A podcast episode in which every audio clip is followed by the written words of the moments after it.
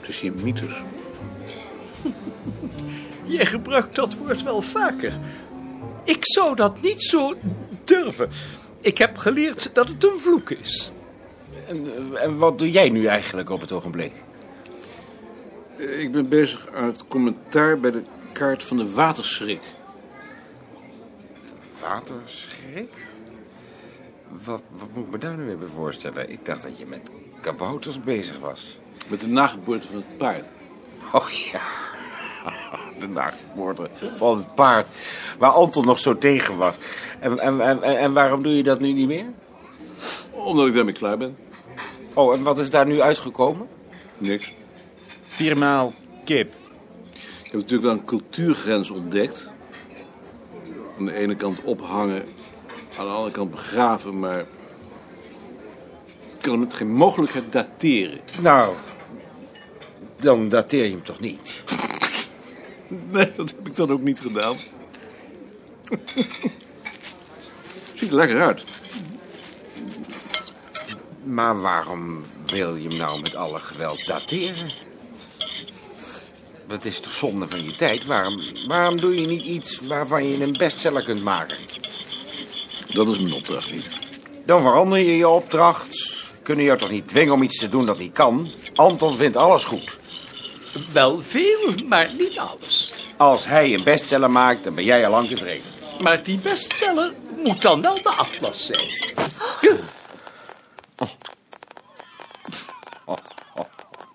Juist.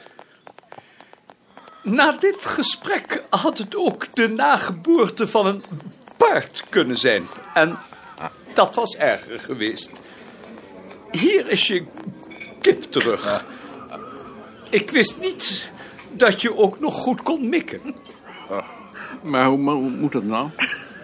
Het is jammer dat ik mijn s- servet nog niet voor had. Dat is een goede les. Ik zal het maar even uitspoelen. Eten jullie intussen vooral door? Hoe kreeg je dat voor elkaar? Ik weet het niet, hij schoot zo onder mijn vark vandaan. Oh, god, oh, god, oh, god. Als je erop uit was geweest, was het je niet gelukt. Zo, toen ik hier naartoe liep, verheugde ik me al op mijn k- kip. Ik hoop dat die van jullie ook zo goed is. Zijn die vlekken eruit gegaan?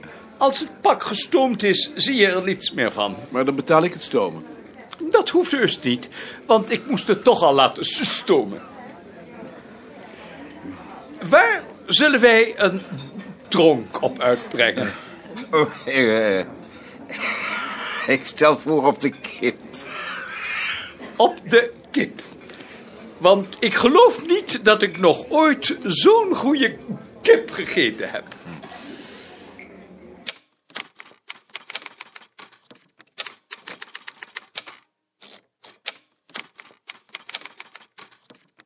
Dag Kees, Dag meneer Koning.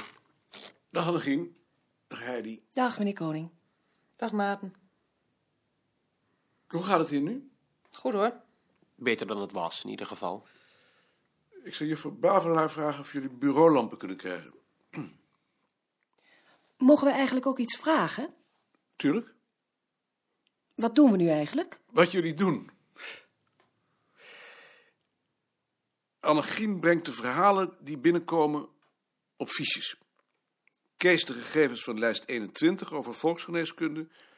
En jij die van lijst 1. Ja, nogal wie dus.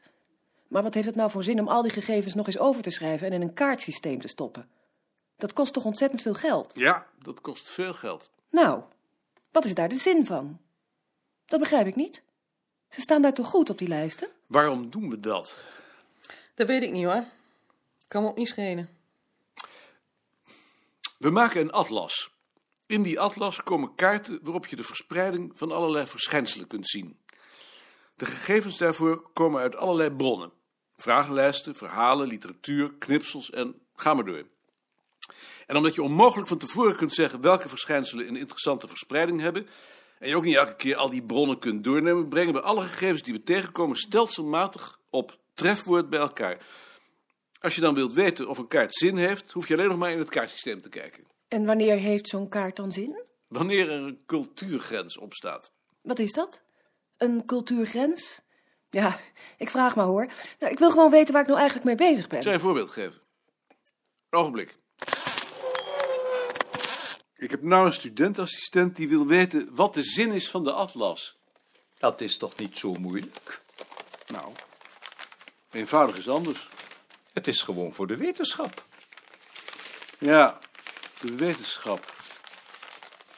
Ik ben bang dat dat geen argument is. Dan hoort ze hier niet. Wie is het? Heidi Bruul. Dit is de kaart van de nageboorte van het paard en dit is voor jou. Wat ik ga zeggen staat daarin. Als je goed kijkt, dan zie je hier een grens. Zie je dat? Nee. Je moet op dit teken letten. Aan de ene kant komt het wel voor en aan de andere niet. Bijna niet. Ja. ja, ik geloof dat ik het zie. De mensen hier hingen of hangen hem dus wel op, de mensen daar niet. Dat is een cultuurgrens. En wat zegt dat nou? Het zijn toch zeker dezelfde mensen? Nu. Maar misschien heeft hij vroeger een politieke of een religieuze of een etnische grens gelopen. Dat, dat weet je niet. En wanneer weet je dat dan wel? Als je dezelfde grens ook bij andere verschijnselen vindt. Maar die hebt u nog niet gevonden. Nee, we hebben pas twee cultuurgrenzen gevonden. De andere loopt hier. Die heeft Van Hamme gevonden. Maar die moet dus uit een andere tijd zijn. En al die andere gegevens dan? Stoppen we die dan voor niks in het kaartsysteem? We moeten toch ook inlichtingen geven? We krijgen wel honderd verzoeken om inlichtingen per jaar. Ik zou maar geen raad weten als ik geen kaartsysteem had. Want uit mijn hoofd weet ik niets. Het is dus ook een soort woordenboek. Ja, het is een soort woordenboek. Nee, dan begrijp ik het. Heeft het dan wel zin? Ja, natuurlijk heeft het dan zin. Een woordenboek. Dat heeft toch altijd zin? Goed. Wanneer komt dat kind nu? Volgende maand? En hoe lang wou je nog blijven werken? Tot eind van de maand? Dan zal ik langzamerhand eens een ander gaan zoeken. En wat is de zin? De zin is dat het kaartsysteem een woordenboek is. Dat is niet zo'n gek idee. Dat had ik zelf kunnen verzinnen.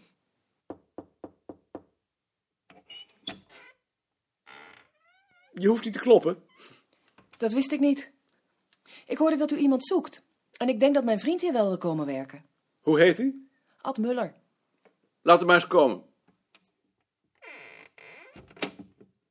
Is dat juffrouw Bruul? Ja, Is ze alles aan mij voorgesteld? ja, natuurlijk. Ik kan het me niet herinneren, maar ik word oud.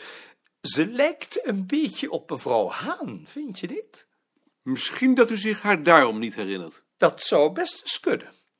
Ik zou er maar voorzichtig mee zijn. Je kunt beter j- jongens aanstellen. Hoe gaat het eigenlijk met die Stoutjesdijk? Is die al begonnen aan zijn proefschrift? Ik heb er vannacht nog eens over nagedacht. Maar zullen wij niet samen dat woordenboek maken? Het is nog lang niet klaar. Hoe lang duurt het dan nog? Jaren. Waarom jaren? Zoiets hoeft toch geen jaren te duren? Alleen het invoeren van de gegevens uit de vragenlijsten duurt al jaren. En dan nog die uit de literatuur en uit het knipselarchief. Zoveel werk is dat toch niet? We hebben 35.000 lijsten in huis. Laten we zeggen, 20 gegevens per lijst, dat is aan de lage kant. Dat is 700.000 fiches. Meer dan 35 fiches per uur tikt iemand niet. Dat wordt dus 20.000 uur. Een week heeft 40 uur, dat is 5.000 weken. Een jaar heeft 50 weken, dat is 100 jaar. Stel dat we er met z'n vijven aan werken, dan zijn we alleen daarmee al 20 jaar bezig. En dan komt er nog ieder jaar een lijst bij. Maar we zouden toch vast met de A kunnen beginnen? Jij bent altijd zo z- zwaar op de hand. Ik zou mijn vriend toch meebrengen? Nou, hier is hij. Verder kun je het zelf wel? Ad Muller, Koning, ik heb gehoord dat u een woordenboek maakt. Ik wil daar wel aan meewerken. Ik zal u eerst aan meneer Beerta voorstellen. Dit is meneer Muller, de vriend van juffrouw Bruul. Zegt u maar Ad hoor. Van Adriaan. Adrianus. Betekent dat dat je Rooms bent? Voor zover ik weet niet. Zoiets weet je toch? Nee, ik ben niet Rooms. En je studeert Duits. Duits? Waarom Duits? Omdat ik dat een mooie taal vind. Dat vind ik ook. Vindt u dat ook? Waarom zou ik dat niet vinden? Omdat bijna niemand dat vindt. Duits is voor mij de taal van Rielke en Stefan George. Ken je die? Jawel. En hoe vind je die? Beetje zacht. Ja. Maar het kan mij nooit zacht genoeg zijn. De zachte krachten zullen zeker winnen in het eind. Ken je Henriette Roland Holst? Alleen van gehoord. Dan zal ik je eens iets van haar laten lezen. Als meneer Koning je hebben wil, tenminste, want die is niet gemakkelijk. Hij zou het werk van Annegien Ansing kunnen doen. Dat lijkt me een goed idee. Maak jij hem dan verder maar wegwijs. Dat is dat woordenboek waar hij die over verteld heeft. En wanneer is dat nou klaar? Tegen de tijd dat ik met pensioen ga. Dat schrikt je niet af? Nee, integendeel. Het lijkt me heerlijk om aan iets groots te werken. Meneer Koning is wel eens wat zwaar op de hand. Maar dit keer niet. Volgens de eerste berichten is de Amerikaanse president zeer ernstig gewond. De aanslag gebeurde toen hij samen met het congreslid Connelly in een open auto door de binnenstad van Dallas reed. Hij zou daar een verkiezingstoespraak houden. In de auto zat ook mevrouw Kennedy, die de president opving nadat twee schoten op hem waren gelost. Volgens ooggetuigen werd president Kennedy aan het hoofd getroffen. Hij is onmiddellijk naar een ziekenhuis overgebracht. White House Press Secretary Malcolm Kilduff has just announced that President Kennedy died at approximately 1 o'clock Central Standard Time, which is about 35 minutes ago, after being shot at after being shot by an unknown assailant by an unknown assailant during a motorcade drive through downtown Dallas. during a motorcade drive through downtown Dallas. The president died The president died approximately 25 minutes approximately 25 minutes after the attack took place. after the attack took place. He had been rushed, bleeding and unconscious, He had been rushed, bleeding and unconscious, to the Parkland Memorial Hospital in Dallas to the Parkland Memorial Hospital in Dallas and was given blood transfusions. and was given blood transfusions. Dit is het einde van deze ingelaste nieuwsuitzending.